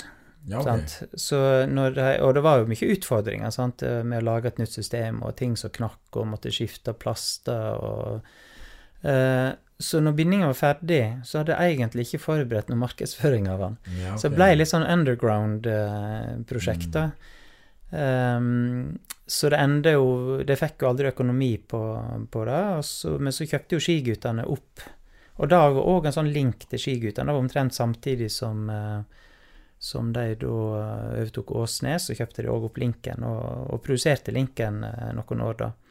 Men det var mer sånn strategi at de måtte fokusere, sant? måtte de velge vekk en del produkt, så den, den gikk jo ut. Men jeg får jo fortsatt I høst fikk jeg henvendelse fra Japan om, om det fortsatt var mulig å få tak i den. Okay. Så, eh, men, eh, men nå er det nok bare noen få eksemplar som eh, ligger igjen. Altså, altså, du har jo Du har gjort mye Mye rart, og det har blitt mye priser. Du har vel Mm. totalt fått åtte Doga-priser, stemmer ikke det? Ja, det stemmer vel kanskje. Ja, Ja, ja. Mm. Men du har også rukket å designe din egen pris. ja. Hvordan hvordan kommer det Det er vel i 2017 som du designer den Bergenprisen. ja. Kan ikke du fortelle litt hva Nei, da er jo litt sånn at eh, altså klart Når en har gjort en del ting, så blir en lagt merke til, og da får en forespørsel. Så dette var Bergensprisen som eh, skulle tildeles eh, eller, ut, eller deles ut til bergensere som hadde markert seg på ulike områder, da, så det var jo et stort prosjekt. eh, eh, sånn utgangspunkt. Men da Jeg husker ikke helt hvordan sånn koblingen kom, men da, da ble jeg kobla mot eh, eh, var meg og navnet nå, da. Um, Arven i Bergen, som, eh, som jobber med, med sølvvare. da. Mm. Kobla mot dem, og så på å utvikle en, um, en pris eh, til Bergensprisen, da. Eh, og da var jo sånn uh, idéprosjekt, sant. Hva er karakteristisk for Bergen, hva kjennetegner Bergen? Og, vi kom vel uh, enda opp med, med de sju fjell, da. Mm. Eh, så da lagde vi en pris, og den skulle være ny for hvert år. Okay. Så hvert av fjellene. Det er jo stilisert. Det, altså, jeg jobber jo veldig altså Rent sånn estetisk så har jeg ofte et helt konkret utgangspunkt. Og så Ja. jobber jeg med forenkling og stilisering, og liksom beveger meg vekk fra utgangspunktet. Da, til det står med sånn ei form som kan stå på egne bein, holdt på å si. Mm. Men da, eh, eh, da var det sju fjellene da, som var, var ideen. Og så skulle vi nytt for hvert år. Mm. Og så eh, har jo jeg hatt kontakt med tunge ting på Voss Mm. i flere sammenhenger. Så, så da kontaktet jeg deg, så det ble et samarbeid mellom Arven og Tunge ting og, og meg da, på å utarbeide den her eh, prisen. Så fikk jeg en sok sokkel i betong og så ei forsølva fjell. Ja, så, så den delen på toppen blir bytta ut hvert år?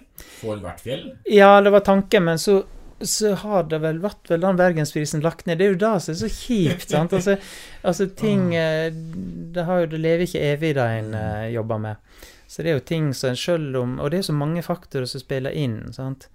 Eh, så sjøl om ting er vellykka og bra, så kan det være ulike grunner til at de produktene går ut Mm. av, eh, av produksjon Mm. etter ei tid. Ja, og i samsvar med at du utvikla den kniven, så kom det noen sånn Eller jeg vet ikke om det er i samsvar, men det kom noen sånn eh, Mana-Ita. Altså en eller annen sånn Ja. boks. Altså, her har du eh, uttalt at altså, det skal være en prosess, altså en tankeprosess, Ja. hvor det er et fint ritual å åpne boksen for kniven. Altså, solgte du den boksen sammen med kniven?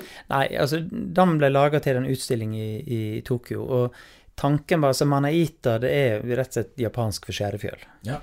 Ehm, men tanken der er så at jeg ønsker jo at folk skal få et forhold til ting, og at, eh, at det skal være noe mer enn et objekt. Det skal Mm. ligge en historie eller et ritual, eller skal ha en merverdi, da. Så ikke materiell verdi, i Mm. tillegg til, til selve produktet.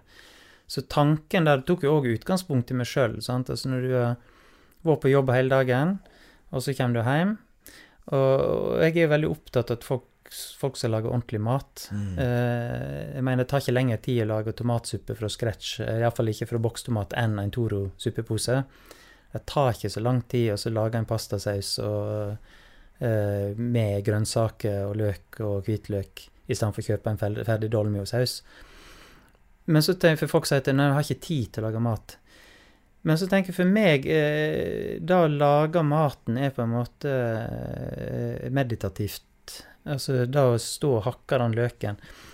Og da får jeg en slags overgang fra, fra liksom hektisk jobbdag over til hverdagen. Mm. Da er den der, da å lage maten i en slags sånn eh, reise eller skal, transformasjon eller Og da tenkte jeg skulle gjenspeiles i den der skjærefjølen man har gitt der, da. Mm. Så da består den av to deler, der kniven ligger i et rom under selve skjæretoppen, eller toppen av skjærefjølet. Så liksom tanken setter frem den, skyver bak toppen, tar kniven opp, legger den på og trekker tilbake. At det ble et sånn ritual der du eh, fikk puste, det. Mm. Så det var ideen med den. Så den men den er jo bare laga ett eksemplar. Um, for det blir Altså, det er jo litt problemet. Altså, folk er ikke villige til å betale da ting koster. Vi er vant med at ting er billig. Mm. Uh, og, og bare å produsere den Da fikk jo Jørn Styve seg møbelsnekker her på Evanger. Han bygde jo den for meg. Eh, men, men i arbeidstid og i materiale sant, så, så blir det dyrt. Så hvis en skal sitte igjen med litt penger sjøl, Mm. så, så blir det for dyrt at folk vil, eh, vil betale for det. Mm. Og da er jo en kontrast Hvis jeg tenker Japan altså Jeg jo, har jo alltid vært opptatt av Japan på, på Mm. ulike måter. Men eh, en så jeg var i Japan, så var jeg på et showroom for um, japanske um, Altså dreia, treboller med, innsatt med lakk. Og da var jeg rundt og så, det var noe fantastisk fine arbeid. sant? De trebollene som dreier ned til en millimeter tjukkelse, så jeg lagt den inn med med hundre lag med naturlakk og, og gnidd av med, med silkeklut. Og, og når du ser nedi den, så er den sånn matt svart. Du kan nesten ikke se bånd av den. Sånn, for det, og dette er et håndverk, og det ligger hundrevis av timer bak det. Eh, den ene bollen, den koster oss 70 000 kroner. Så det er jo helt horribelt. Altså, Mm. det er jo veldig få, eh, få som har råd til det. Men, men når det er sier ned, Arbeid som er lagt ned. ja, altså det er verdt det, sant. Mm. Altså, eh, men, men det som er poenget Altså, Japan, i alle fall det tradisjonelle Japan, så legger de penger i ett objekt, Mm. Mens vi skal ha så utrolig mange. Vi måler på en måte verdien i, i antall og volum, Mm. mens de måler det mer i estetikk. Mm. Altså det eh, eh, Så mer sånn tradisjonelle hjemme i Japan, sånn, så har de kanskje Vi har hyllene fulle av nips. Mm. Jeg hadde i alle fall. Eh, I min oppvekst så var det masse nips. Men, men de har kanskje en alkove der står ett objekt. Sant? står en T-bolle en periode, og så henger det kanskje en, eh, en eh, skriftrull, eller på å si, altså, eh, eh, som har fokus, da. At, og så legger de heller pengene i den ene tingen. Mm. Eh, og da er jo altså Som sagt, jeg mener jo ikke at alle treboller skal koste 70 000, men vi er, i Japan er de mye flinkere på å verdsette håndverk enn hva vi er i Norge. Mm. Og da, da, da skulle jeg ønske at vi kunne komme litt tilbake til oss. Eh, med utrolig mange dyktige håndverkere i Norge. Mm. Uh, og da at folk ser verdien av den jobben de gjør, Mm. og setter pris på det når de kjøper et produkt. Altså, nå er folk investerer masse i kunst, sant. Mm. Men, da, men, ehm, men litt sånn i bruksgjenstander òg. Jeg tenker jo at uh, kunst er fint å ha på veggen, og sånn, men dette er å ha omgi seg med vakre ting som en bruker i hverdagen, og sette Ja, pris på de bruksgjenstander. bruksgjenstander. Ja. sant? At det har en verdi Mm. i seg sjøl, da. Mm. Og som en tar vare på òg, Ja. sant. Ja, godt oppsummert. Mm. Altså, fortell litt om den altså, Den designprosessen når du jobber altså, Vi snakka litt om det med den hjelmen, men eksempelvis douchebag. Altså, Mm. Det er en klar idé og en tanke. Mm. Hvordan går du fra idé til et sånn konkret design? Hva, altså, og senere produkt. Mm. Hva, kan du fortelle litt om den prosessen der? Ja, altså det, det er jo eh, å ta beslutninger. Det er jo eh, den vanskeligste delen av jobben, kanskje. Mm. Eh, men det er jo at du må Så jeg sa at du, du begynner med å fly litt høyt sant, og, og kaste fram masse ideer, og så må du Og jeg, jeg jobber jo veldig sånn Tegner mye, for jeg må se ideen før jeg kan forkaste den eller gå videre med den. Ja, okay. så, Så du begynner liksom på litt overordnet nivå, og så plukker du ut de tingene som er interessant å gå videre med. Og så trekker du ned på neste nivå, da jobber du mer med detalj. Og så er det å tenke alle ting samtidig. sant? Eh, tenke hvordan, hva materiale skal lages i, hva, hvordan skal det produseres, detaljer. Skal det være hjul, ikke hjul, hva hjul? Eh, at du skal være bærehåndtak. Altså, så du detaljerer prosjektet, så du snevrer inn i en trakt, på en måte. Da. Du veit ikke hvor du skal lande. Sant? Eh, Men du snevrer inn og tar mange delbeslutninger som får konsekvenser for, for eh, hva vei hva vei Mm. produktet tar, på en måte. da. Mm.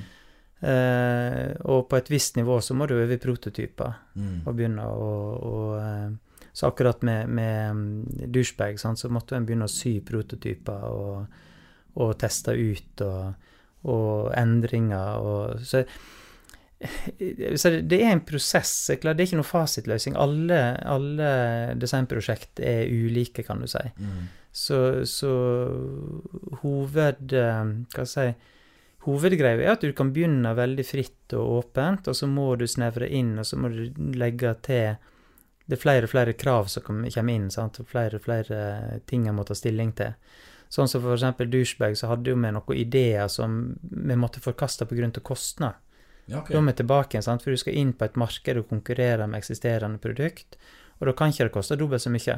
Nei. Selv om det hadde vært utrolig kult å gjort det på den måten, så må du gjøre noe kompromiss. Mm. Så det hele, det er jo kompromissets kunst, da. Dette jo um, det å finne det best mulige kompromisset Mm. Ja. mm. Og, og, og tett med den designprosessen så ligger også den kreative prosessen. Mm. Det må komme på liksom ideer. Hvor- Hvordan kommer man på en god idé? Da varierer jo igjen fra prosjekt til prosjekt. Først av alt, de gode ideene må komme tidlig i prosjektet. Jeg, og da, da tenker jeg sånn, da legger legge, legge ned stor innsats tidlig i prosjektet, da vil lønne seg. Sant? Det er da du legger hele idégrunnlaget. Og, men av og til så popper jo bare ideene opp av seg sjøl, andre ganger så må du jobbe systematisk eh, med det. Ja, har du noen eksempler på hvordan du systematisk kan jobbe med det?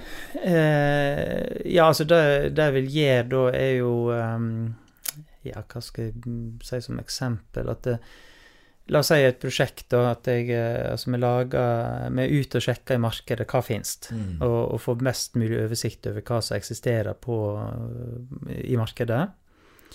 Eh, og så er det å, å lage kravspesifikasjoner. Sant? Altså hva vil vi med vårt produkt? Mm. Hva skal det prestere? Hva, uh, hvem skal det henvende seg til? Dette med bruker, sant? altså Mm. hvem er mottaker? Og veldig sånn brukerfokus, da. Å lage produkt som er mest mulig, best mulig for brukeren. Um, og, og stille en del sånne krav, men samtidig Jeg jobber jo òg med å prøve å putte litt sånn begrep på Men det er mer på det formmessige, estetikken, da. Mm. Altså skal det være enkelt, kompleks, skal det være dynamisk eller statisk? Det er mer sånn som jeg bruker for min egen del, eh, for å sette i gang prosesser. da. Mm. Og så er det å begynne å tegne. Mm. Uh, og jeg tenker da så komme inn i en sånn flyt i forhold til å tegne ideer og bygge videre. Det er en slags en brainstorming med deg sjøl, da. Mm. Uh, som får skape et grunnlag for, for ideer. Og så, og så av og til står det selvsagt så står du stille, men da, det bare, da må du pushe det videre. Mm. Eh, til du føler du har tilstrekkelig idégrunnlag til å ta det videre til neste fase. da. Ja. Men så andre ganger så, er, kan det bare poppe opp. altså, Det var jo eh, Ja, det jo òg et, et produkt som fikk merke for god design, da. Eller Doga-merket. Eh, det er sånn egge, eggeglass eh, og Eller eggesett for hardangerbestikk. Ja, okay. Men da eh, Altså, jeg, jeg har som sagt så Jeg bruker å ha litt sånn sideprosjekt for meg sjøl og utforske og eksperimentere litt med om det er materiale, eller om det er prosesser, og, eller bare et ren tegne idé, tegne ut ideer Mm. som ikke har noe bestemt formål, da. Men da satt jeg og jobba med, med Jeg satt og utforska litt bruk av, eh, av gips. Mm. Og der fylte opp noen ballonger med gips og stabler og lagde Bare sånn fritt sånn former, da. Og så ringer Rune, da han er ute og reiser, så ringer han, så sier han bare 'egg', og så legger han på. og og vi, vi kommuniserer godt, sant? så jeg forsto hva han mente. Og da gikk jeg på butikken, så jeg kjøpte et egg, og så fylte jeg ballong med, med flytende gips, og så trykte jeg egget nedi. Og Ja. da var det sånn, da oppsto ideen der. Altså det som lager et eggeglass eller eggeholder. Og så det sånn, hvor lite skal til for å holde et egg på plass på, Mm. på eh, frokostbordet. Eh, og så da, da var ideen veldig sånn spontan, og begynte der. Og så det, kom det ei skei, og så kom det en eh, det man kalte eggeløfter til å, til å ta egget ut. Og hvis du skal koke et bløtkokt og et hardkokt egg, så Ja. må du ta ut av ene. Ja. Da skal jeg si, men, men det var jo veldig god, eh, veldig artig idé og god idé og sånn, men eh, Og den fikk jo merke for god design, for da at det var noe Det var en et produkt som la til rette for det ritualet, eller noe akkurat den Ja, der den- liksom ja, meditative. Sånn- prosessen, prosessen, prosessen rundt det, ja. Nå kan vi si at eh, nå er jeg vel ehm, eh, mer opptatt av å lage produkt som ikke har én spesifikk funksjon, da. Ja, okay, ja. Sant? Jeg tenker at det, eh, det må En bør etterstrebe å lage ting som kan brukes på mange ulike måter. Mm, Altså med tanke på at du skal få ned antall mm. ting. Um, så jeg vet ikke om jeg hadde gjort den akkurat nå, men jeg, jo, jeg er ganske fornøyd med den. Ser, eh, ser ganske fin ut. Jeg bruker den hver gang jeg koker egg. Eh, men, men altså, ideer kan oppstå um, sånn òg, men du veit aldri. Mm. Så det er da vi er i prosesser. Eh, og da er jo òg at jeg um, Jeg lar jo meg Eller henter jo inspirasjon fra et prosjekt som jeg kan bruke inn i et annet Ja, prosjekt. det er At veldig viktig. Ja, og, og inspirere seg sjøl på en Mm. måte. Og det er jo der igjen at jeg er så privilegert at jeg har fått jobba med så utrolig mange forskjellige typer prosjekt. Eh, og da har jeg på en måte mye, mye å hente ifra. Den, den tanken deler jeg veldig, for du ser jo altså, mange av de kjente gründerne er involvert i flere selskaper Mm. og får en god idé i et selskap og bruker den Ja. ideen senere. Mm. Det er kanskje også det som kjennetegner gode styremedlemmer. Mm. Altså De sitter i flere selskaper, får Mm. ulike innspill og kan kombinere det på tvers. Ja. Og Da er jo yrket ditt veldig sentralt. da Ved Mm. At du har flere kunder og lærer litt der og lærer litt der, Ja. og kan kombinere det.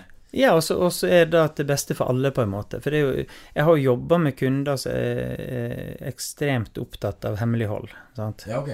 Og, og, men jeg tenker den, det å dele, å dele ideer, for det handler ikke om å kopiere, men det handler om også eh, omforme kunnskapen og bruke den på et annet område. Mm. Sant? Eh, og, og da tenker jeg sånn eh, altså En viktig egenskap, ikke bare for designere, men for andre òg, altså det å ta imot inntrykk, og så ha evne til å omdanne de inntrykkene til eh, La oss si estetikk, så er det et uttrykk, da. Mm. Men, men å, å se overføringsverdien. Mm. Eh, og eh, ja, se hvordan Ja. du kan bruke ting på helt andre måter. Ja, men det er veldig godt poengtert. Mm. Med podkasten så ønsker jeg å inspirere ungdom i Mm. bygda til å starte her, være her. Mm. Hvilke argumenter ville du gitt til ungdommen for å altså, Du har jo selv starta virksomhet her og Mm. driver her. Hvilke argumenter ville du gitt til ungdommen? Ja, før å starte, eller hvis du likevel har tenkt å starte. Altså, sånn som så dette med, med lidenskap. Altså, du, du må ha lyst til å holde på med det du, det du skal gründe. Eh, ikke, la liksom drømmen om å bli millionær ved drivkrafter. Det kan Mm. være et, en bonus. Mm. Men, men da altså være oppriktig engasjert i det du, det du starter opp. Mm. Um, uh, og så tenker jeg dette med Altså ha tru på deg sjøl, ha tru på ideen, og så være ydmyk overfor andre. Mm. Vi Altså, snakka litt med karrieretips òg. Det å Ja. være ydmyk. Ja, ja.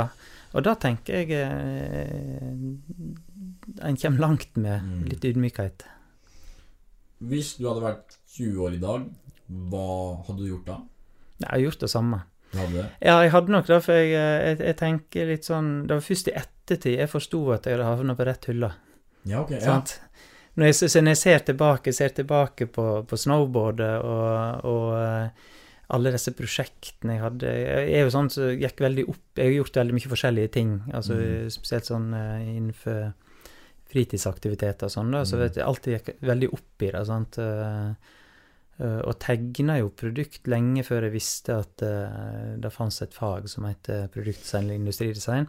Så når jeg ser tilbake, så er det så opplagt at jeg skal havne der jeg havna. Det er, så, det er så morsomt at du poengterer det, for jeg Mm. snakka tidligere med noen andre her. Og Og de også trekker fram det at sett i Mm. ettertid, Mm, så, så gir mm. det så mening hvorfor Ja, ja, ja. der du gjorde. Mm. Og Steve Jobs er jo sitert på det at eh, det er lettere å connecte dottene i etterkant. Ja, ja, og det er også ned det du formidler nå. Mm. Det er lett å se. Men hvis du ser fra de unge sitt perspektiv nå, da altså, Jeg er 20 år nå. Mm. Jeg vet ikke hva jeg vil. Det, det er vanskelig å se de dottene på forhånd. Har du noen Ja. tips til liksom catche hva altså, Hvilken retning du bør gå? Det er feil å si at en ikke skal være for fornuftig, men altså, vi er i alle fall åpen for å, å hoppe på ting som skjer, Ja, okay. tenker jeg. Sant? Altså, ikke, ikke ha altså, den åpenheten for eh, at det kan dukke opp ting. Sant? Og si ja til ting, bli med på ting, utforske ting. Mm. Um, nå har jeg undervist på, på NTNU, som sagt, og, og, og folk som som liksom presser seg gjennom ei utdanning eller en prosess liksom på normert tid, og så gir seg, seg sjøl sånne tidsfrister, det har jeg ikke så veldig tro på. Også at du er fleksibel i prosessen, sant? at du eh, ikke go with the flow, for det er feil òg, men, men vi er iallfall åpne for at ting kan endre seg Mm. uh, underveis. Uh, men dette går på tvers av dette med laserfokus igjen, sant? Nei, jeg, Nei men iallfall åp åpenhet, um, tenker jeg, og, og ikke stress. Du ser jo sånn som med kniven, sant. Altså, som sagt, det er Mange år. det er mange år, da. Mm. Så, så ikke, ikke stress for mye med ting. Mm. Har du noe konkret altså, Hvilken faktor vil du si har vært mest avgjørende for din suksess? Hmm. Vanskelig. Jeg tenker jo ikke på at jeg har hatt suksess, men jeg har vel Åtte, åtte Doga-priser, Ja, og hvis vi ramser opp, så tror jeg altså, hver, gang du blir omtalt i media, så er det prisvinner Ja, ja, ja, designer ja. som går gjennom. Nei, men ehm, Jo, nei, jeg tror kanskje den åpenheten eh, og, og liksom Være åpen for ting som oppstår. Mm. Eh, jeg har jo alltid hatt mål, men jeg har ikke Jeg tenker på meg sjøl, altså. Jeg, jeg kan snu 100 meter under en fjelltopp og synes det er helt greit, og hatt en kjempefin tur. Okay. Jeg må ikke opp på toppen for enhver pris, for da kan jo jeg få en annen tur. Ja. Altså, så at prosessen Jeg er nok ganske sånn prosessorientert, mer enn målorientert. Og jeg, jeg tenker på det som en god egenskap. Jeg beundrer veldig de som, som eh, kjemper for å nå toppen og klarer det, og den mestringen. Mm. Men, eh, men jeg er vel sjøl litt sånn at jeg eh, eh, Det er ikke noe nederlag å snu før toppen. Du, for det er mange, mange andre turer. Mm. Det henger kanskje også litt tett sammen med den design thinking-modellen. Mm. Hvor det er med innsikt og den prosessen Ja. som er Mm. en viktig faktor. Mm. Ikke nødvendigvis bare resultatet. Nei. Eh, ja, og det, og det er jo sånn holdninger. Altså, når du sier design thinking, sant? så blir det at du, du snur Du endrer perspektiv. Mm.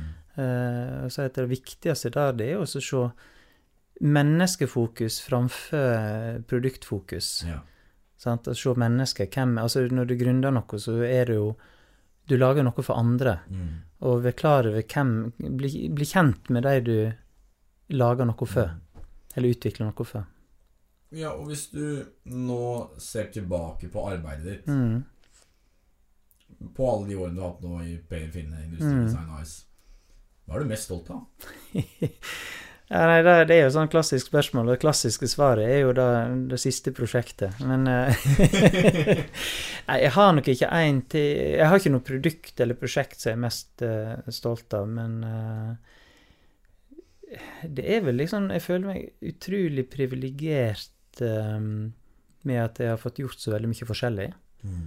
Eh, og veldig privilegert at jeg kan sitte på Voss og gjøre det. Mm. Eh, jo, kanskje mest denne følelsen av å være privilegert på mange områder. Mm. Det er liksom eh, og, og fått jobba med mine ting på mine Altså ikke bare på mine premisser, altså du jobber, har jo ansvaret for andre, men Men um, Nei. Nei, jeg har, jeg har nok ikke ett prosjekt jeg setter høyest, det har ikke jeg. Det er sammen, mangfoldet. Ja, det er Ja. godt oppsummert, det. Mm.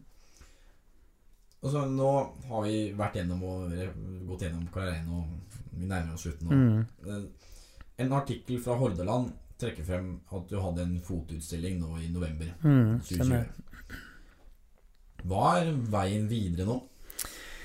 Nei, vi får se. Nei, det har jo vært litt sånn stillstand eh, eh, nå siste året. Det gikk jo litt brått ned. Men det jeg gjorde da, det var jo at jeg ga meg sjøl oppgave. Altså, ja, ja. begynte å lage tresleiver og spiseredskap i tre. Jeg begynte å ha noe tegneprosjekt. Og så hadde jeg fotoprosjekt. Mm. Men altså, foto har jeg jobba med i, i, i mange år. Men da Noe av det første jeg gjorde, var altså å gå på blomehjørnet og kjøpe noen blomster. Så jeg hadde et prosjekt jeg laga blo blomeportrett. Ok. Så, altså, så det er jo da å ved i bevegelse, Mm. tenker jeg hele tida, ikke sette seg ned og eh, Men jeg er litt sånn den allsidigheten igjen, da. Så jeg jobber jo med mm, produktdesign, jeg jobber med grafisk design, jeg jobber med illustrasjon, jeg har gjort scenografi, jeg har jobbet mye med foto, jeg har gjort utsmykking. Ehm, og så ser jeg sånn i ettertid på en måte at det, det er en sammenheng mellom alle disse tingene jeg gjør. Mm. Altså det er sånne felles, om det er et uh, Måten jeg jobber på, eller uttrykket. Så jeg bruker jo Altså, fo jeg kan jo bruke fotoprosessen til å inspirere meg til et uh, designprosjekt, for eksempel. Mm. Um, Ja, ja, ja, tett med det så henger kanskje Hvor henter du inspirasjon fra? veldig mye fra naturen. Altså hvis jeg tenker sånn forminspirasjon, men òg Men det er jeg jo opptatt av hele tiden. Som student òg, så, så nå heter det biomimicry, eh, fagfeltet, da, men da kalte det bionic design, eller bionics. At det er da du aktivt søkte etter løsninger på proble- problemstillinger i naturen. Mm. Ikke bare form, men òg med funksjon og materiale og sånn. Så det har jo den koblingen natur og objekt har jeg, eh, ser jeg i ettertid at det er med meg hele veien. da. Mm. Så jeg henter jo mye inspirasjon eh, fra naturen, ja. Nå, har vi, altså, nå har vi gått gjennom det meste av karrieren. Er det noe annet du vil legge til? Som du tror lytteren kan ha glede av å høre på? Nei, så må jeg ikke sette meg i gang. Det blir en time til, da. Nei, eh, ja, altså vi får være litt sånn eh, seriøs på det som jeg sa med, med, med bærekraft. Jeg tenker at eh, det er en viktig rolle vi som er designere vil ha, men vi som forbrukere òg, så har vi vi- Vi bør tenke oss litt mer om i forhold til forbruk. Mm. Eh, og så bruker jeg å si når vi, altså dette blir kjent med brukeren, hvem er målgruppa di, eh, så skiller jeg veldig på ønske og behov. Jeg tror jo ikke på markedsundersøkelser. Okay. Spør du markedet hva de ønsker seg, så svarer de ut fra det de kjenner. Ja, det er jo litt Og- sånn Det er prosessen med Ford som skulle skape bilen. Ja, ja, Raskere hest, ikke, ikke ny bil. ja, stemmer den der eh, Ja, nei, det, men det, det er så eh, det, det er så mange gode eksempler på det der. Når du sa Ford, så hadde jeg glemt hva modellen hette. Men det har jo et sånt prosjekt jeg gjorde, en markedsundersøking. Det er på 50-tallet, tror jeg. Ja. Um, uh, og der de hadde listet opp alle komponentene en bil bestod av. Ja. Så var det sånn der uh, multiple choice, da. Ja. Altså hva frontlykte liker du best? Hva støtfanger liker du best? Uh, hva vinge bak liker du best? sånn. Edsel heter den bilen. Og så lagde de en bil basert på den markedsundersøkelsen. De satte sammen bilen av alle disse komponentene som scorer høyest. ja, så folk flest ville Ja, folk flest ville de lyktene, og så ville ha den taklinja, og så ville de felgene og sånn. Ja. Og så satte de sammen eh, en bil av den, og bygde en fabrikk. Hadde, kalte den Edsel, etter sønnen til Ford. Ja. Og det er jo største, mest mislykka prosjektet Ford ever. sant? For jeg tenkte ikke helhetlig. Og så var dette her at det, det baserte seg på hva markedet ønska seg. Mm. Og jeg skiller veldig på ønske og behov. For jeg tror at en kan ønske seg en ting uten å være klar over hva behovet Mm. Hva, er, hva Behovet er som ligger til grunn ja, ja, for det ønsket. Ja, og, og det er jo sånn eh, en historie jeg brukte å fortelle, at Philip Stark, jeg vet ikke om du kjente han, eh, fransk designer, var første stjernedesigneren på sånn 80-90-tallet i, i verden. Og han ble jo spurt av en eh, Kom en med jækla mye penger, mm. og så skal han til å tegne en yacht til han. Mm. Ja, så er det sterkt satt seg ned med han og å diskutere liksom hva, hva han trong og hva han var ute etter og sånn. Og så eh, på slutten av møtet så konkluderte Stark med at det, det er ikke noe yacht du skal ha. Du skal ha en svømmetur hver morgen. Det er jo det behovet du har. sant? Du tror du ønsker deg en yacht, men da du trenger en svømmetur. Så han eh, betalte jo Stark honorar og takka for rådet, og det ble ikke noe yacht. Så da der å se behovet bak sant? Når folk shopper for å belønne seg sjøl for noe, sant? Det er jo bare en måte å dekke et behov på. Mm. Så da bli bevisst uh, hva er det du egentlig trenger, tenker jeg er viktig. Ja, og det er jo også litt tilbake til den design thinking-modellen. Hvor det med Mm. innsikt hva, Mm. hva er det underliggende problemet her? Ja, mm, Hva, ja, hva er behovet ditt? Ja. Og det er kanskje også litt sånn interessant i Altså sånn sett fra et forbrukerperspektiv at vi leter veldig etter det neste Altså neste toppen. Altså kjøpe seg en finere bil, Mm, mm, kjøpe seg mm. en finere klær. Jeg personlig er veldig tilhenger av altså, Det som er drivkraften i livet, er heller det med å lese en god bok, altså gå en Mm, fin fjelltur. mm, mm. At det gir mye mer glede fra en sånn langsiktig pers perspektiv mm, enn det er kortsiktig glede med litt finere bil, litt Ja, ja. finere hus, litt Mm. finere klær. Altså, mm. det er veldig typisk det der. Og du som designer, at du sier det, er jo veldig interessant. Fordi du lever jo litt av å designe disse produktene. Ja, men, men det er jo det jeg mener. Men altså, hvis vi klarer å verdsette ting eh, Altså Ok, da vil det koste mer, da, men eh, Men, eh, men eh, Altså, totalt sett så bruker jeg ikke mer penger. Altså, For å bruke mat som eksempel. mm. Altså, jeg mener vi betaler altfor lite for mat i Norge. Okay, ja. Eh, vi verdsetter ikke det, sant. Eh, så tenker jeg at da å betale litt mer for maten, da kan du ha norskprodusert mat, du kan ha lokal mat. Du har jo, her Voss har jo utrolig mye gode produsenter, sant. Mm. Men da at vi må være villige til å betale litt mer, men da får vi òg en bedre opplevelse, både smaksopplevelse, sant, men, men altså, totalopplevelsen mm. rundt dette. Sant? Så tenk på det neste gang du går i butikken og skal kjøpe kjøttdeig, om den er laga av storfe fra, fra Brasil eller fra Mm. Norge, eller aller helst gå opp på Selheim. Det koster mer, smaker utrolig mye bedre. Mhm. Og, og, og da blir det en del av et sånn um, eh, Jeg skulle til å si kretsløp, det er feil å si, men, men altså Da å kjøpe lokalt, om det er mat eller produkt eller så er det jo med å stimulere et helt samfunn, på en måte. Det er jo ikke bare akkurat denne kiloprisen fra den kjøttdeigen Mhm. som som er viktig, men eh, men eh, jeg tenker at eh, prøv å bruke heller pengene på færre og bedre opplevelser. Mm. Sant? Og et produkt kan være en oppleving, eller en reise kan være en oppleving, eller, eller mat, ikke minst. Jeg deler veldig den tanken. Mm, mm. Veldig overbestående. Og vi, vi har prata lenge. Ja. Veldig hyggelig. Ja, kjempekjekt dette. Tusen takk for praten. Ja, tusen takk for meg. Det var veldig kjekt å få komme her og kunne prate mer om Jeg kunne prate i timevis.